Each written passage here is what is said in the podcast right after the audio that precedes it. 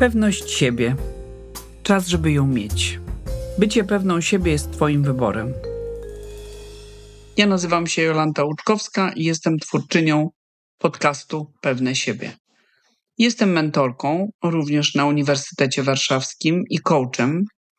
Pracuję z indywidualnymi klientami i zespołami w organizacjach. Możesz umówić się ze mną na sesję coachingową w obszarze pewności siebie i nie tylko. Właśnie z tej pracy z ludźmi narodził się pomysł pewnych siebie. Zbyt wiele zobaczyłam braku pewności i niskie samooceny, zaburzające życie zawodowe i prywatne, żeby to zostawić odłogiem. Pewność siebie to jest temat, który uważam za ważny, szczególnie dla kobiet, które wychowywane w określonych warunkach tracą to poczucie i nie biorą udziału w bardzo wielu wartościowych przedsięwzięciach życiowych, bo uważają, że to jest nie dla nich. Pewność siebie jest taką metasprawą, czyli taką ponad innymi tematami dla nas. Bo po co nam wszystkie szkolenia, jak być liderką, jak radzić sobie w życiu? Dużo jest takich wartościowych szkoleń i warsztatów, kiedy niepewna siebie liderka gdzieś ugrzęźnie. W moich podcastach słyszysz po prostu przykłady kobiet, ich sposoby radzenia sobie z pewnością siebie i samooceną. Posłuchaj pierwszego podcastu, tam wyjaśniam więcej. Zapraszam Cię do śledzenia naszych social mediów: Instagram, Facebook, LinkedIn, linki w opisie odcinka. Nie zapomnij polubić podcastu. Naciśnij dzwoneczek, żeby wiedzieć, że przyszedł już do Ciebie następny odcinek. A może znajdziesz chwilkę czasu, żeby ocenić podcast? Może każdy z osobna, a może całość? Możesz słuchać tych podcastów tutaj na Spotify, ale są już również na Apple Podcasts Mam nadzieję, że wkrótce będą na Empik Go. Możesz porozmawiać ze mną o warsztatach dla kobiet w Twojej organizacji, o warsztatach, które wzmocnią rozwój kobiet, a co za tym idzie i Twoją firmę.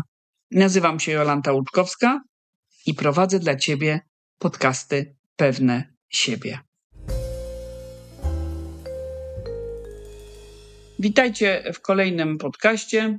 Jest sierpień, ciągle za oknem przepiękna pogoda i lato trwa, więc cieszmy się z tego jak najdłużej. Dzisiaj mam moją kolejną gościnę, Agnieszkę Krzaczek. Oddam jej głos oczywiście, ale najpierw sama chcę ją przedstawić. Napisała mi o sobie kilka bardzo ważnych słów, a najbardziej podoba mi się to, że zaczyna od rzeczy chyba najistotniejszej, że jest mamą dwóch chłopców, Tymona i Konstantego, i że jest żoną Tomka.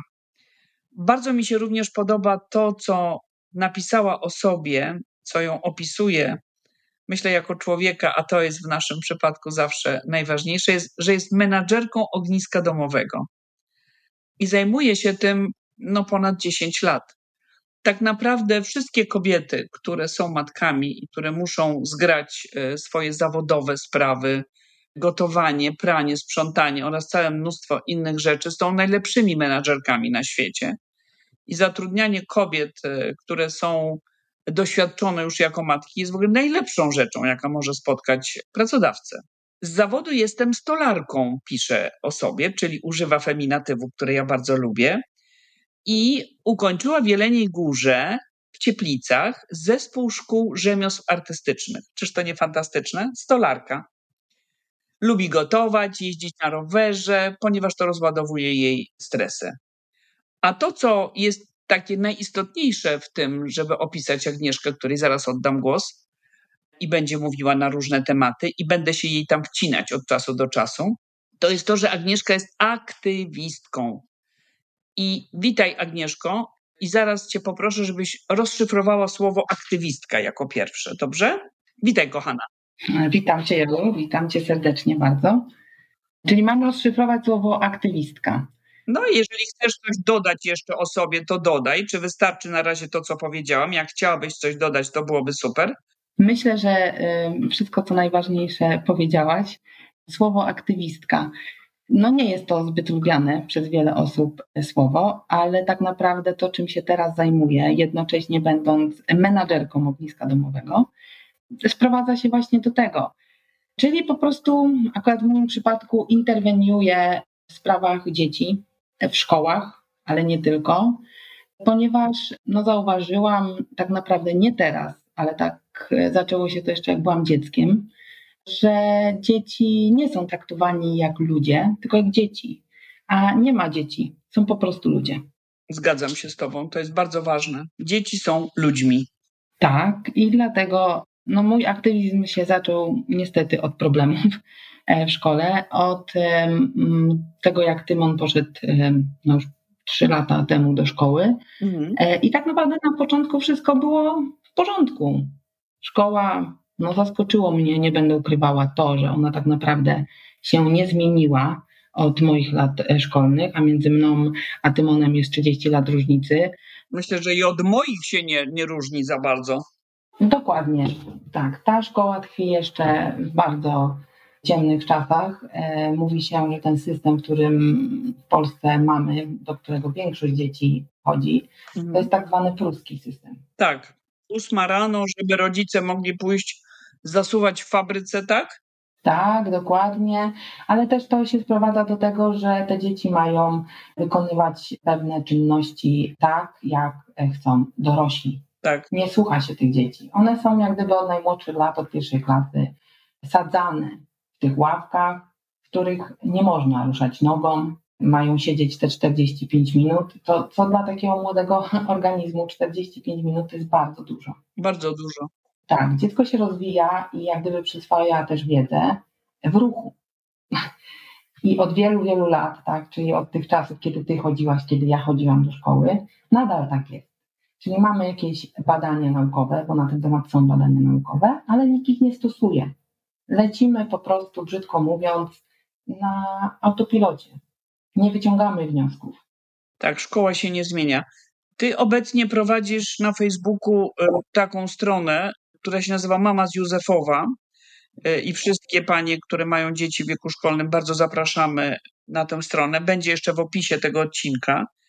I tam właśnie na tym Facebooku uświadamiasz rodziców, jak działają szkoły, co w tych działaniach jest niezgodne z prawem, jak powinny szkoły działać i ich organy zgodnie z obowiązującym w naszym kraju prawem, tak? A powiedz mi, jak reagują ci ludzie, których uświadamiasz? No zapewne część się cieszy, a część pewnie tak średnio, prawda? Jak to bywa w tym naszym kraju kochanym. To się tak pochwalę, bo e, wczoraj minął rok, odkąd założyłam mamę z Józefowa i nie było to też takie oczywiste, że ją założyłam. Zostałam do tego namówiona przez kobietę, Martynę Wilk, e, też w sumie aktywistkę z Wrocławia, e, ale ona się akurat zupełnie innymi rzeczami zajmuje. Wiesz co, to było tak, że rozmawiałam z kobietami, akurat nauczycielkami na konferencji Pokazać, Przekazać e, w Centrum Nauki Kopernik.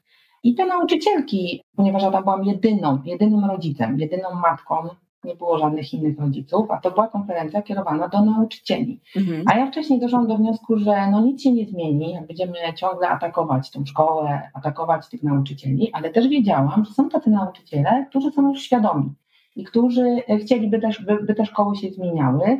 Ba, oni nawet je zmieniają, zmieniają swoje podejście, tak? To w jaki sposób na przykład prowadzą lekcje, tak? Że te lekcje nie są prowadzone na przykład na zasadzie sprawdziany, że każdy ma sobie pisać, tylko na zasadzie współpracy. Fantastycznie, najlepiej współpracować, tak. No i po, po takich rozmowach stwierdziłam, że no rzeczywiście pora budzić tych rodziców i te nauczycielki, bo to większość była jednak nauczycielek, e, zwróciłam mi uwagę, że no rzadko się zdarzają tacy świadomi rodzice, którzy rozumieją problemy tej szkoły, e, wiedzą, że jest źle, ale z drugiej strony wiedzą, że nie można tylko ciągle wytykać, tylko czasami też trzeba po prostu porozmawiać, e, wskazać jakiś kierunek, no krótko mówiąc też coś od siebie dać. Ale zwrócili mi uwagę, że rodzice tego nie wiedzą, że oni po prostu zawsze powtarzają tak na przykład jak nauczyciel chce wprowadzić jakieś innowacje, na przykład nie chce wystawiać ocen, mhm. że nauczyciel informuje na początku roku szkolnego, że w jego klasie i podczas jego lekcji nie będą przez cały na przykład semestr bądź nawet rok wystawiane oceny. I mogą to zrobić, ponieważ prawo oświatowe mówi, że nauczyciel ma obowiązek wystawić tylko jedną ocenę na koniec roku szkolnego to są nauczyciele, którzy zaczynają stosować tak zwane ocenianie kształtujące, a nie e, ocenianie poprzez oceny. Ja kiedyś robiłam szkolenie dla nauczycieli, dla stu nauczycieli. Na stu nauczycieli trzy osoby prowadziły to ocenianie kształtujące. Jak zapytałam, czy chcieliby, żeby ich dzieci były oceniane kształtująco, to powiedzieli, żeby chcieli, ale sami tego nie robią. Tak, ale wracając do, do tego, co powiedziałaś, jak to jest odbierane, to jest taki ważny aspekt, bo rodzice po prostu, no ogólnie rzecz ujmując, większość rodziców im się to nie podoba. Nie podobają im się no, moje pomysły, ale takich osób i świadomych e, rodziców jest coraz więcej. I też aktywistów, którzy walczą o zmiany w szkole, i te pomysły raczej, no niestety, e, nie znajdują odbiorców. No właśnie. Tym bardziej Cię podziwiam i tym bardziej teraz ośmielę się zadać Ci pytanie, a potem jeszcze wrócimy do Twoich ogromnych osiągnięć, które masz i co w ogóle robisz, e, bo to jest niesamowite. Ale chciałam zadać Ci takie pytanie: czy aktywistka, aktywistki tak. są pewne siebie, tak? Robiąc e, tak ważne rzeczy i wchodząc nieraz w konfrontację, a nieraz wchodząc we współpracę, muszą mieć dużo takiej siły, takiej mocy. Czy ty jesteś pewną siebie osobą i coś nam na ten temat e, opowiesz tutaj naszym słuchaczkom w podcaście Pewne siebie? Z mojego punktu widzenia, tak, jestem silną osobą. Bardzo często słyszę od e, innych osób, że jestem bardzo odważna, mhm. w tym, że potrafię pójść i powiedzieć, że powinno być inaczej, że na przykład widzę, że tutaj na przykład dyrekcja nie do końca rozumie prawo, bądź wręcz go nie zna. E, I chodzi mi tutaj konkretnie o prawo oświatowe. Niestety tych mhm. w działaniach szkół dostrzegam bardzo dużo, nie tylko ja zresztą, no wiele nieprawidłowości. Tak? Bardzo często szkoły działają na zasadzie przyzwyczajenia i zwyczaju, a nie obowiązującego w Polsce prawa. Mhm. Więc jak e, interweniuję, czy najczęściej, najczęściej teraz stosuję po prostu zwykłą rozmowę i daję zwracam uwagę, to wielokrotnie się spotkałam, nie tylko od pani dyrektorek, ale od nauczycielek, czy nawet pani w sekretariacie, że jestem bardzo problemowa. Problemowa.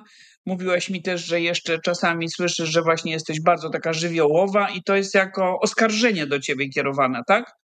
Tak, dokładnie. No tak, jestem bardzo żywiołową osobą. Niezaprzeczalnie, nie będę ukrywała i też tak jestem odbierana, więc często inne osoby, które ze mną mają styczność podczas pierwszego kontaktu, nie wiem, co tak naprawdę myślą. Nigdy o to nie zapytałam, ale jest, e, że pani jest dziwna, e, że nie wiadomo o co pani chodzi, mimo że ja staram się zawsze właśnie porozmawiać, dokładnie wytłumaczyć dlaczego i po co.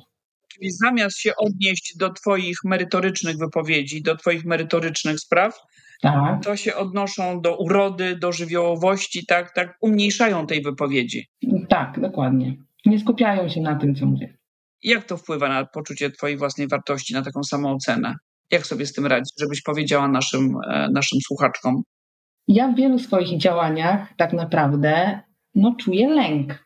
Nie będę ukrywała, czuję lęk, ale wiem, że to jest bardzo ważne i wiem też, że nikt tego inny za mnie nie zrobi. Tak jak na przykład w jednej szkole, w której obecnie Tymon jest, ktoś musi to zrobić. Więc po prostu za każdym razem biorę trzy duże wdechy mhm. i mówię sobie do przodu, mhm. nie ma się czego bać. Ale od zawsze, od zawsze, odkąd pamiętam, no tak jak gdyby zabijam tego złego diabełka, tak? Mhm. Wciskam go z powrotem do nory, z której się wychyla. I po prostu robisz to, i ty nie robisz tego dla siebie, żeby było świetnie. Aktywiści to są ludzie, którzy robią sprawy i załatwiają rzeczy dla nas wszystkich, dla mnie, dla naszych dzieci. I my czasami zamiast ich wesprzeć, to właśnie słyszymy, y, słyszymy rzeczy, które nas umniejszają, zamiast usłyszeć dziękujemy za to, co dla nas robisz. I piszesz mi tutaj w takiej informacji, którą, którą mi dałaś też o sobie, że, że właśnie bardzo często Twój aktywizm o praworządność w szkołach jest krytykowany właśnie przez kobiety, właśnie przez inne matki, tak? E, tak, nawet jak e, patrzę sobie czasami na tak zwane statystyki na tej stronie, tam Facebook coś takiego podpowiada, to dzisiaj nawet sprawdzałam, 75% osób, które wchodzą na to konto, to są kobiety. Mhm. Także no wiadomo, inne matki, to tak jest, że y, dziecko trafia do szkoły i najczęściej no, interesują się sprawami okołoszkolnymi, chodzą na zebrania, kupują wyprawki, starają się udzielać y, w klasie matki. nie mężczyźni. Co akurat też jest dla mnie bardzo smucące, bo chciałabym, żeby jednak tych mężczyzn było trochę więcej z wielu powodów. Z wielu powodów, dla takiej równowagi i też, żeby dzieci widziały, że ojcowie są zainteresowani Tak, ich szkołą, ich edukacją, tak? Tak, czym skorupka za młodu nasiąknie, tym na starość trąci. Więc takie Właśnie. wychowywanie, że tylko matki się tym zajmują, no jak gdyby daje też takie złe wzorce, tak? I my już je dajemy od najmłodszych lat. Ja też zresztą miałam taki wzorzec, tak byłam wychowywana. No właśnie, opowiedz o tym swoim tacie, bo to jest piękna opowieść. Ale tata tak się w szkole nie udzielał. Ale zawsze za mną, e, zawsze stał za mną i naprawdę nie pamiętam, nawet pisząc to mocno się skupiłam, czy może nie wiem, nie upiększam sobie tych wspomnień, ale nawet jak, nawet tak ci powiem szczerze, że ten kierunek, który ja wybrałam, e, stolarka, to był stolarz, renowator mebli, dokładnie, to tata e, mi e, jak gdyby podpowiadał i rozmawiał ze mną na ten temat, bo ja pamiętam, że chciałam wybrać szkło. Mhm. A tata kierując się tym, że ja zawsze bardzo lubiłam drewno, zapach drewna, bycie w lesie, no jak gdyby podpowiedział, tak, jak, miałam, zawsze z nim była rozmowa, nie było mówienia, co mam robić, tylko ja zawsze miałam w nim ogromne wsparcie typu rozmowa, ale nie tylko, bo ja wtedy wychowywałam się na Dolnym Śląsku, w Świebodzicach, Mhm. e, pod Wałbrzychem i e, przygotowując się, tam były takie wstępne egzaminy artystyczne, to nie pamiętam dokładnie ile, ale chyba przez cały rok szkolny. Tata dwa razy w tygodniu jechał e, ze mną zaraz po pracy,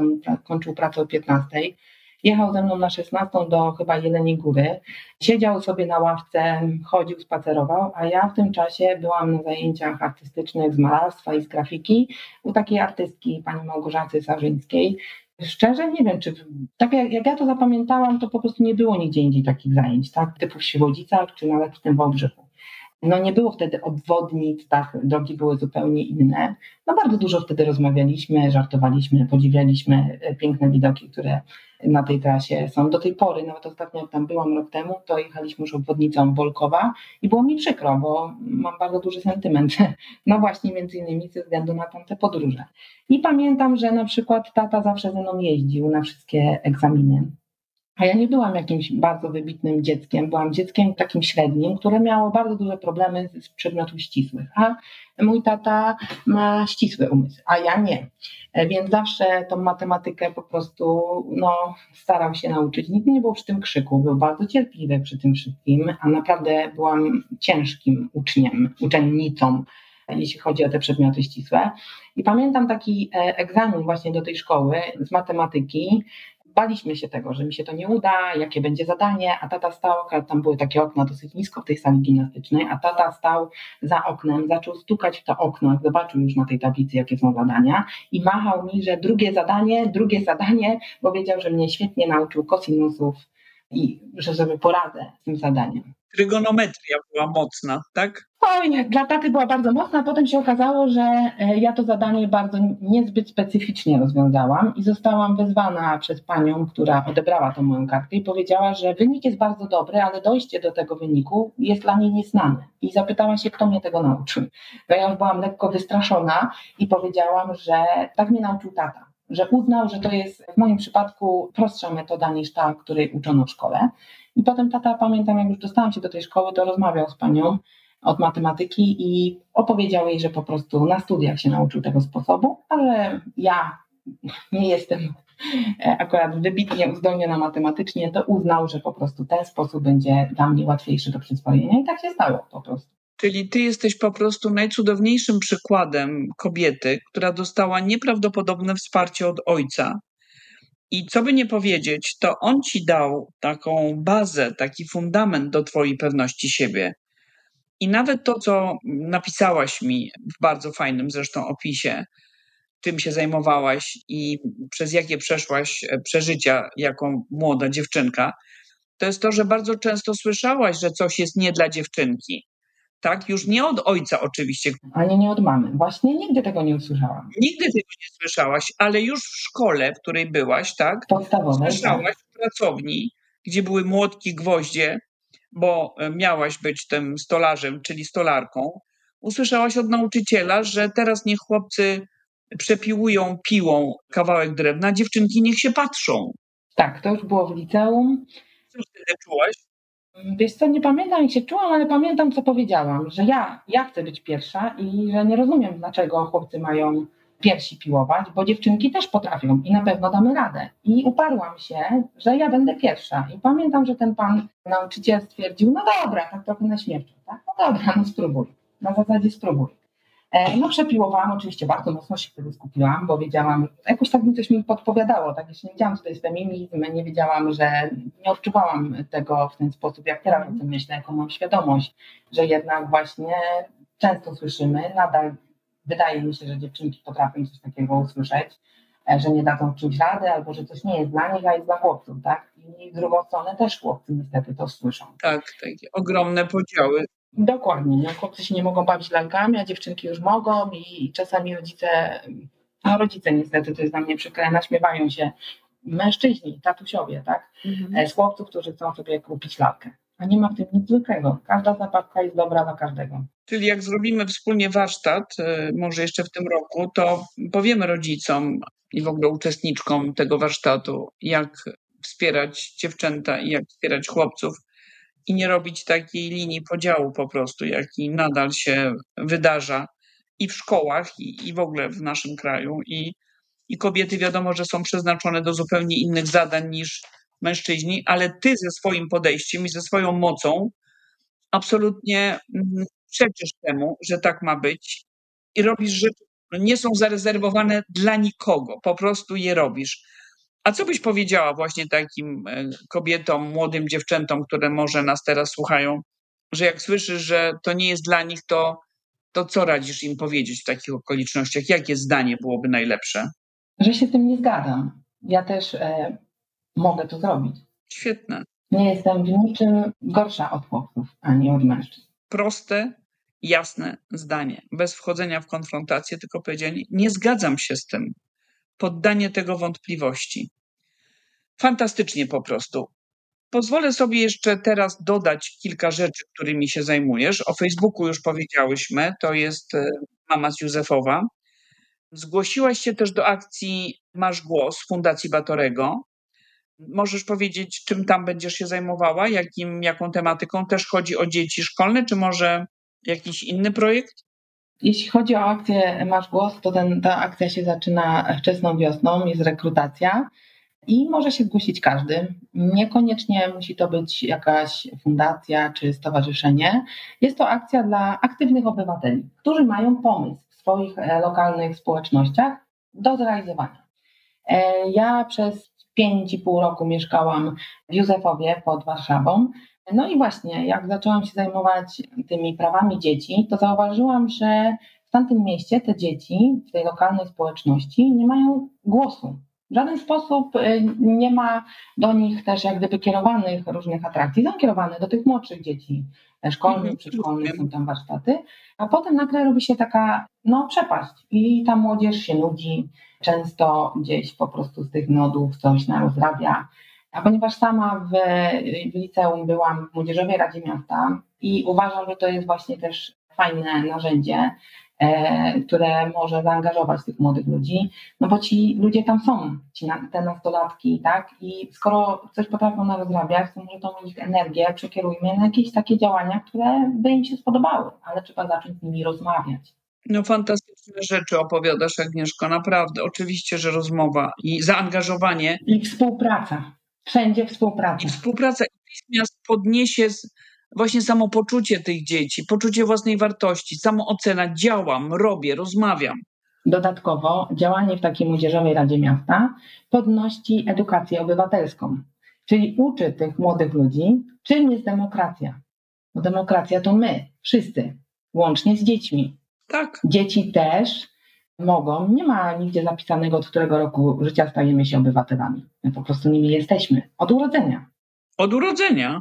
Tak, ja jestem fanką podobno radykalnego podejścia, że już tak naprawdę od przedszkola bym z tymi dziećmi prowadziła tego, tego rodzaju różne rozmowy. Pytała, co by chciały, żeby na przykład w tym mieście było.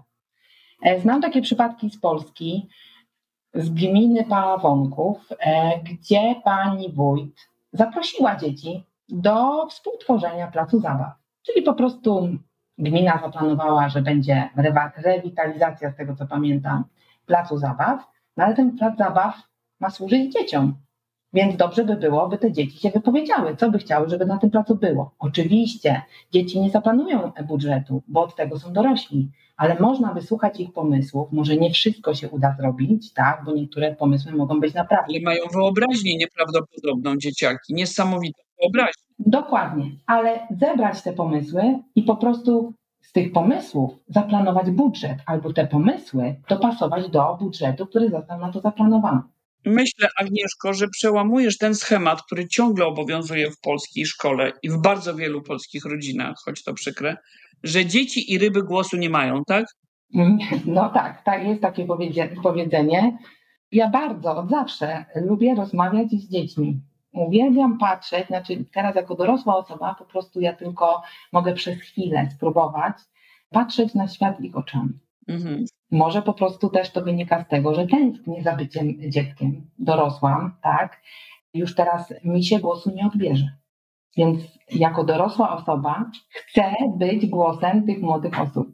I staram się po prostu, żeby dorośli przestali traktować je jak, no nie będę używała tutaj słów, to są ludzie, tacy sami jak my dorośli.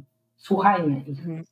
I naprawdę nie blokujmy tych ich fantastycznych pomysłów, tak? Tylko starajmy się je dopasować do tego świata dorosłych, a nie na odwrót. Świat dorosłych dopasowywać do dziecka. Że dziecko ma się dopasować. Nie. Nie, nie. Są takie aspekty życia, gdzie, gdzie spokojnie e, możemy wysłuchać tych dzieci. Ktoś może powiedzieć w tym momencie, że jestem zwolenniczką bezstresowego wychowania i w ogóle dajmy dzieciom, niech sobie robią co chcą. To nie tak. My dorośli jesteśmy od tego, żeby te dzieci po prostu prowadzić. Tak, mamy być drogowskazem, ale bycie drogowskazem nie znaczy zakazy, nakazy i but, brzydko mówiąc. Drogowskaz to jest tylko takie stojące coś, tak sobie wyobrażam, porównam tego do drogowskazu takiego drogowego. Tak. To on tylko stoi, a, a trzeba wykonać jakąś pracę, tak? Czyli trzeba zastosować się do czegoś nowego i coś nowego wprowadzić. Ja zawsze, jak byłam dzieckiem, to teraz tak z perspektywy czasu miałam też czasami naprawdę szalone pomysły. Takie, które na przykład e, moja mama wyłapywała. I teraz z perspektywy czasu to tak to widzę, że moja mama mi pozwalała i tata spokojnie iść tą swoją wybraną ścieżką i we wszystkim mnie wspierali. Ale jak widzieli, że wpadam na jakiś no nie do końca mądry pomysł, który mógłby się w jakiś tam sposób e, odbić chociażby na moim zdrowiu i mógłby mi zaszkodzić, to po prostu ze mną rozmawiali i potrafili argumentami nakierować mnie, bym z powrotem wróciła na wybraną ścieżkę i nie zrobiła sobie krzywdy. To jest piękne. Twoi rodzice powinni byli otworzyć szkołę pod tytułem dla rodziców, jak rozmawiać z dziećmi. A ty masz teraz wielką szansę, żeby otworzyć szkołę, to tak metaforycznie, też jak rozmawiać z dziećmi, nauczyć rodziców, ale też właśnie dzieci nauczyć, jak zabierać głos od najmłodszego wieku. Wiem też, że od grudnia 2022 roku jesteś członkinią Kogutorium, tak? Tak, To jest stowarzyszenie, które interweniuje w sprawach łamania prawa oświatowego w szkołach oraz praw uczniów. Dużo jest takich spraw, e, którymi się zajmują. Mogłabyś podać jakiś przykład łamania tych praw? Czy dużo jest takich e, spraw? Od września do powiedzmy e, czerwca jest całkiem sporo. Takie sprawy, które mnie, według, mnie najbardziej dotykają. My najczęściej piszemy pisma po zgłoszeniach dotyczące statutów, czyli ktoś, jak najczęściej to są uczniowie, ale też bardzo dużo rodziców pisze, że w jakiejś szkole e, według rodzica są niezgodne z prawem zapisy. I wtedy my dostajemy taki statut, e, czytamy go, analizujemy. Jeżeli e, dochodzimy do wniosku, że rzeczywiście, no niestety w większości przypadków dochodzimy właśnie do takiego wniosku, e, że jest coś nie tak w tym, w tym statucie, to e, podejmujemy najczęściej interwencję, czyli piszemy, to też zależy od sytuacji, od, od rozmowy z osobą zgłaszającą, czy, bo niektóre, większość osób się boi po prostu, tak? Jak słyszy, że możemy wysłać pismo do kuratorium, pytamy się, czy chcą, żeby, żeby to było jako kogutorium, e, anonimowo. Bardzo często osoby na samym początku zgłaszają, że tylko żeby nie wyszło, kto to napisał, tak? Sprawy, które mnie najbardziej poruszają, dotyczą naruszania praw człowieka. Godności człowieka, czyli że młodzi ludzie od podstawówek, tak naprawdę ostatnio słyszałam nawet od studentki, nie mogą w czasie zajęć wyjść do toalety. Mm, coś takiego. Mój syn w drugiej klasie, w pierwszej, drugiej klasie musiał prosić o zgodę na wyjście z toalety. Do, na wyjście do toalety. Musiał poprosić o zgodę panią. I niestety, co było już w ogóle strasznie szokujące, pani potrafiła mu powiedzieć, że Tymonku, przed chwilą była Krysia Marysia, więc e, ty musisz poczekać. A najlepiej to na przerwie. To jest nieprawdopodobne, co to robi tym młodym istotom, które potem mają być członkami, aktywnymi członkami społeczeństwa, mają sobie znaleźć dobrą pracę, mają zarabiać pieniądze. Jak one już tam gdzieś są tłamszone i odbierane jest im to poczucie własnej wartości i, i takiej intymności, no bo on musi wstać i powiedzieć, co ja chcę pójść zrobić siusiu, Tak, a tak jak podkreślam, to jest naruszenie godności człowieka, czyli tak Godności naprawdę naruszenie podstawowych, niezbywalnych praw człowieczych, którymi się rodzimy i które się nam należą. Mhm. I wydaje mi się, że e, szkoła, zresztą to jest zapisane w jednym z dokumentów e, prawnych, szkoła po prostu ma o tą godność dbać młodych ludzi. Nauczyciele, dyrektorzy mają taki obowiązek, bo mamy w Polsce artykuł 7, to jest mój ulubiony artykuł z Konstytucji, który mówi, że organy władzy publicznej mają działać w ramach i granicach prawa. Czyli nie mogą tego prawa wymyślać. Jeżeli czegoś w prawie nie ma, to one sobie tego nie mogą po prostu robić, tylko muszą działać w tych granicach i w to, co jest zapisane. A w prawie jest zapisane, że nauczyciele, dyrektorzy w karcie nauczyciela, że mają szanować i dbać o godność młodych ludzi, tych dzieci w tych szkołach, uczniów. Mhm. Tak, no to jest e, bardzo ciekawe, co ty mówisz. Jesteś osobą, która ma ogromną wiedzę i tak jak już powiedziałam, w życiu osiągnęłaś naprawdę bardzo wiele. Jestem pełna podziwu dla tego, co, co robisz dla innych, dla innych ludzi, a przede wszystkim dla tych młodych ludzi. Wiem też, że od kilku dni, dosłownie od kilku dni, więc to jest taki jeszcze gorący news, jesteś członkinią sieci obywatelskiej Watchdog. Myślę, że wszyscy wiedzą, co to jest Watchdog, ale gdybyś jeszcze swoim językiem powiedziała, o co tutaj chodzi i co będziesz robić, e, bo to jest bardzo interesujące, to będę Ci bardzo wdzięczna. Tak, Watchdog jest dla mnie bardzo ważny, bo to Watchdog, jak gdyby na, na początku tej mojej drogi aktywistycznej, e, no, miałam ogromne wsparcie od jednej szczególnie członkini Aliny Czyżewskiej, ale też później e, od wielu osób, od zarządu i e, innych członków e, sieci obywatelskiej Watchdog Polska. Watchdog Polska zajmuje się dostępem do informacji. Mamy w Polsce taką ustawę, za chwilę będzie e, obchodziła swoje urodziny i e, prawami e, człowieczymi. Tak, czyli to są dwa aspekty. E, Watchdog pomaga takim ludziom jak ja, ale też innym obywatelom w dostępie do informacji publicznej. Jest taka ustawa z 2001 roku, o, e, ustawa o dostępie do informacji publicznej. O co chodzi? Każdy obywatel ma prawo pytać urzędników, urzędy, urząd, burmistrza, panią dyrektor, w jaki sposób wykonują swoje zadania, jak coś zostało zrobione, jak zostały wy- wydatkowane pieniądze. Czemu to jest takie ważne? Bo jeżeli mamy te dane, to jesteśmy w stanie podjąć bardziej świadome decyzje. Tak, żeby wspierać, trzeba mieć wiedzę najpierw, jasna sprawa. Dokładnie. E, I tym się głównie zajmuje Watchdog, ale e, również e, prowadzi szkolenia, tak jak mnie przeszkolił.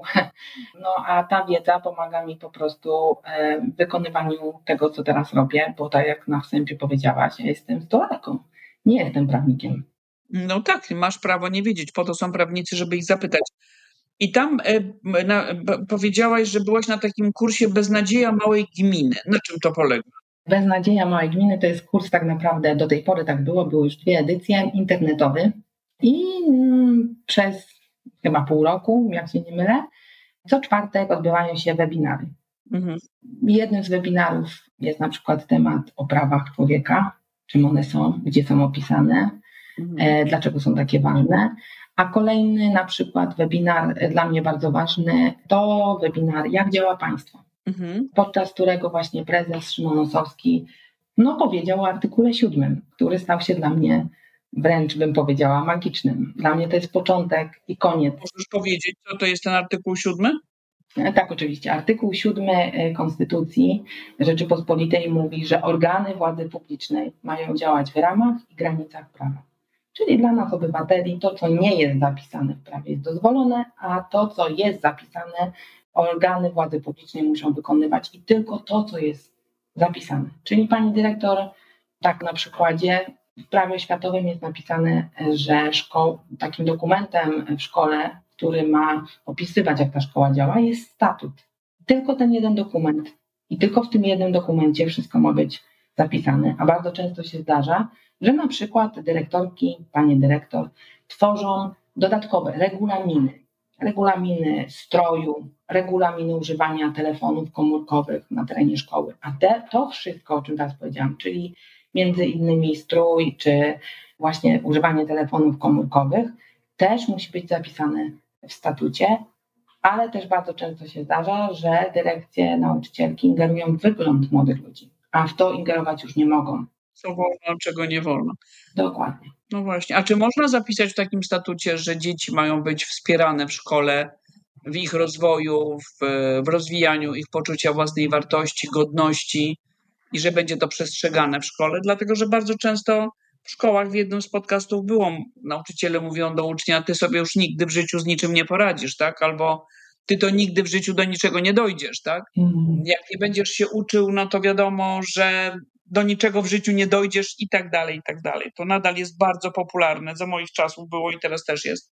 Czy to nie jest ingerowanie właśnie w godność tych młodych ludzi i później Jest, odbieranie im poczucia własnej wartości? dokładnie jest. I to wszystko, o czym powiedziałaś, nie musi być wpisywane w statut. Często jest po prostu na samym wstępie, bo to wszystko jest zapisane w prawie oświatowym i w karcie nauczyciela. A no właśnie. Także to wszystko jest jak gdyby zagwarantowane od strony prawnej w naszym państwie, tylko niestety jest nieprzestrzegane. Ja jako e, dziecko małe usłyszałam od nauczycielki, polonistki, na jednej z lekcji, że ja to się nawet do zawodówki nie nadaję. O, fantastycznie. Po czym stała inna moja koleżanka, która no, była prymuską i ulubienicą tejże pani, powiedziała, że ona się nie zgadza, żeby tak mówiono do jej koleżanki z klasy. Mhm. Do dzisiaj to pamiętam. Nie miało to jakoś wielkiego wpływu na mnie, tak szczerze. Po prostu to zapamiętałam. Nie zdołowało mnie to ani To mnie. widać, słychać i czuć, że to nie miało żadnego wpływu szczęśliwie na Bo wróciłam do domu i opowiedziałam o tej sytuacji rodzicom. No i była po prostu interwencja taty. Ale ile dzieci zamyka się w sobie i jest przegranych później, tak? Tak, a mój syn Tymon, chyba bodajże w drugiej klasie, usłyszał od pani, jak chciał coś powiedzieć, nie dyskutuj. Nie dyskutuj, świetnie. Tak, nadal niestety dzieci słyszą w szkołach, jak coś chcą powiedzieć, chcą się czymś podzielić, to słyszą, nie dyskutuj, nie mam teraz czasu. A to jest już tak e, szczerze, że jak już teraz się już dwa lata tym interesuję, czytam, interweniuję, e, mamy zgłoszenia i rozmawiam też z nauczycielami, bo e, no, w tych szkołach lekko nie jest. Mhm. I to nie jest wina tych nauczycieli. Klasy są przepełnione No tak. nauczyciele są przemęczeni.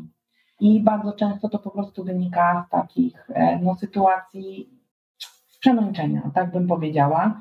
I oni po prostu się nad tym nawet nie zastanawiają. Ale miałam taką rozmowę z jedną e, nauczycielką w poprzedniej e, szkole Tymona, gdzie po prostu na spokojnie z nią porozmawiałam. Ona chciała po prostu poznać, dlaczego jest to takie dla mnie ważne. I po tej rozmowie doszła do wniosku, że wie Pani co Pani Agnieszko, ja po prostu tak to zrobiłam z automatu, a tak jak z Panią rozmawiam, no popełniłam błąd, tak? Już więcej tego nie zrobię, ale no po prostu z tego przesilenia za dużo, tak? Więc e, no, mają też nauczyciele refleksję, tylko czasami trzeba też z nimi porozmawiać, pokazać im jakiś przykład. Rozmowa i współpraca, nie atakować. Co też nie powiem, że jest dla mnie takie oczywiste i łatwe, bo w tym pierwszym etapie aktywizmu, ale akurat nie byłam atakowana przez nauczycieli, tylko przez rodziców bardziej i przez jedną panią dyrektor, która chyba tak szczerze teraz z perspektywy czasu się broniła. Broniła się sprowadzając na mnie atak. Tak, no bo wytknęłam jakiś tam błąd, więc ona jak gdyby, no zamiast, ja myślałam, że ona po prostu powie, popełniłam błąd, naprawimy go, przepraszam, co najwyżej. A ona przekierowała jak gdyby problem, odwróciła uwagę, uwagę rodziców na mnie, no i tak się zaczął ogromny hejt, który no, trwał przez ponad rok. Ja przez ten hejt e, no, nawet schudłam prawie 30 kilo. No właśnie, hejt jest rzeczą straszną i jesteś wielka, że sobie z tym poradziłaś i myślę sobie, że tą siłę e, czerpiesz e, i z dzieciństwa, z tego wsparcia rodziców, wtedy, kiedy miałaś na siebie różne pomysły i oni na to pozwalali, ale jednocześnie korygowali twoje kroki tak, żebyś nie zrobiła sobie ani fizycznej, ani psychicznej krzywdy. Teraz to samo ty dajesz swoim e, dzieciom i to samo dajesz ludziom, w imieniu których, nie chcę używać słowa walka, bo nie lubię tego słowa, działasz w obszarze edukacji, żeby się troszkę w Polsce zmieniło.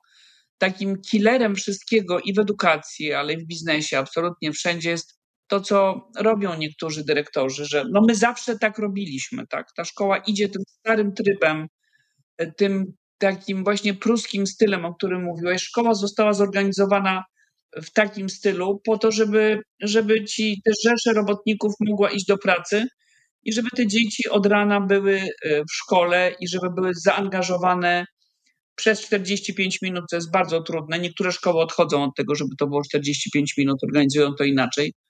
Że naprawdę czas, żeby ta szkoła się kompletnie zmieniła, żeby było ocenianie kształtujące, żeby nie było tych ocen, żeby zachowana była e, godność e, uczniowska tego młodego człowieka, który jest człowiekiem, tak jak powiedziałaś. To chyba Korczak, tak? O to walczy. Tak, dokładnie.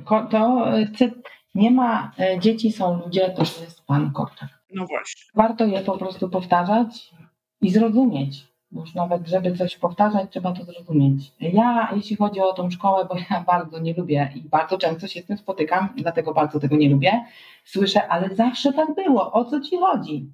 To jest killer wszystkiego, to jest zabijacz absolutnie wszystkiego. I mam na to takie, że takie powiedzonko, że my bardzo lubimy siedzieć na tej naszej e, kanapie przyzwyczajeń. Nikt nie lubi zmian. Tak, kanapa przyzwyczajeń, bardzo ładne, ładnie powiedziane, tak. Nikt nie lubi zmian. Ja lubię zmiany na przykład, ja uwielbiam zmiany. E, ja też lubię te zmiany. Ja ale... mogę jeździć z meblami do dzisiaj po całym mieszkaniu, żeby poprzestawiać meble. Ja mogę y, zrobić wszystko inaczej, bo ja po prostu lubię, ale widzę osoby, które usztywniają się na samą myśl o tym, że miałyby robić, y, jeść inne śniadanie albo zjeść go w innym miejscu, albo w pracy zrobić coś innego. Ci, którzy lubią zmiany, są w dużej mniejszości. E, tak, bo to też wymaga dużej kreatywności, dużego zaangażowania i czasu, i przemyśleń, i trzeba się nad tym mocno skupić, tak? Ja jestem osobą, która właśnie urodziła się w Ołgrzychu, mieszkała w Świebodzicach, wyprowadziła się do szkoły średniej do Jeleniej Góry. Potem pojechałam na studia do Torunia, e, potem za miłością do męża obecnego sprowadziłam się do Warszawy, e, Potem żeśmy się wyprowadzili pod Józefów, a ostatnio przeprowadziliśmy się do Chłyliczek i mogę Ci zdradzić, że to nie jest koniec przeprowadzek. Fantastycznie. Bo już w planach jest e, głosków i tak się jakiś czas temu nad tym zastanawiałam, że Boże, kiedy ty znajdziesz swoje miejsce? Bo doszłam do wniosku, że może ja nie znalazłam tego miejsca, może to chodzi o te miejsca. To nie jest tak po prostu. Tylko to jest tak, że ja jednak lubię zmiany do tego stopnia, e, że zmieniam wręcz no, wszystko w swoim życiu, bo przeprowadzka z Józefowa do Chyliczek, no to była ogromna zmiana nie tylko dla mnie, a największym szokiem tak naprawdę była dla dzieci, bo dzieci, które się no, dużo pamiętały. Kostek pamiętał tylko Józefów, tak? Tymon pamiętał jeszcze czas, kiedy mieszkaliśmy e, w Warszawie i no, to też wymagało ode mnie i od męża bardzo dużego takiego zaopiekowania się tą sytuacją, tak? Wsparcia dla nich. Potraficie to robić, wspierać. Tak, ale uważamy, że, e, bo bardzo często moje pokolenie to szokuje, że ale jak to dziecko powinno mieć e, stałe miejsce zamieszkania, chodzić od pierwszej klasy do ósmej do jednej szkoły. My uważamy, że przeprowadzki dają siłę, dają też inną perspektywę i pokazują dzieciom, że dzieciom, ludziom, że coś może być inaczej, że można dokonać czasami jakiejś zmiany. Tak, mam nadzieję, że nasze słuchaczki i słuchacze słyszą dokładnie te rzeczy, które mówisz, czyli wsparcie dzieci, e, walczenie o ich prawa, bronienie ich praw, występowanie w ich imieniu, bo wszystko to, o czym mówimy, o, o czym ty mówisz, czyli pokazywanie też inności, e, rozwijanie ich poprzez zmiany miejsca zamieszkania, to jest to, co można próbować zrobić w naszych domach, tak? Tam, gdzie jesteście Państwo po tej drugiej, po tej drugiej stronie ponieważ to wszystko buduje doświadczenie dziecka od samego początku, ale buduje jego poczucie e, własnej wartości, jak ono odnajdzie się przy wsparciu rodziców i nauczycieli w nowym miejscu. Co byś jeszcze, pomału zbliżamy się właśnie do, do puenty, co byś powiedziała, Agnieszko, jakieś kilka jeszcze zdań dla naszych słuchaczek podcastu Pewne Siebie, o tej pewności siebie. Masz jeszcze jakieś przemyślenie, które byś tutaj przekazała? Będę bardzo wdzięczna. Tak, mam takie przemyślenie do wszystkich kobiet, ale mężczyzn też, ale skupmy się na tych kobietach, żeby wierzyły w siebie i jeżeli czują tak wewnętrznie, bo mamy taki dar, e, że coś trzeba zrobić i że dobrze myślą, to żeby to po prostu zrobiły. To jest fantastyczne, co powiedziałaś, to podsumowanie. Po prostu zrób to. Ja też tutaj w gminie u siebie w szkole robiłam różne warsztaty i po prostu sama na to wpadłam, sama poszłam zaproponować i po prostu zrobiłam, więc rozumiem Cię doskonale. Drogie słuchaczki, jak macie coś do zrobienia społecznie, żeby wesprzeć swoje społeczności, a w tych społecznościach ludzi młodszych, starszych i dzieci, to po prostu to zróbcie. Pewność siebie. Czas, żeby ją mieć. Bycie pewną siebie jest Twoim wyborem. Bardzo Wam dziękuję za to, że dzisiaj byliście tutaj z nami i żegnam się z Wami do następnego razu. Do usłyszenia.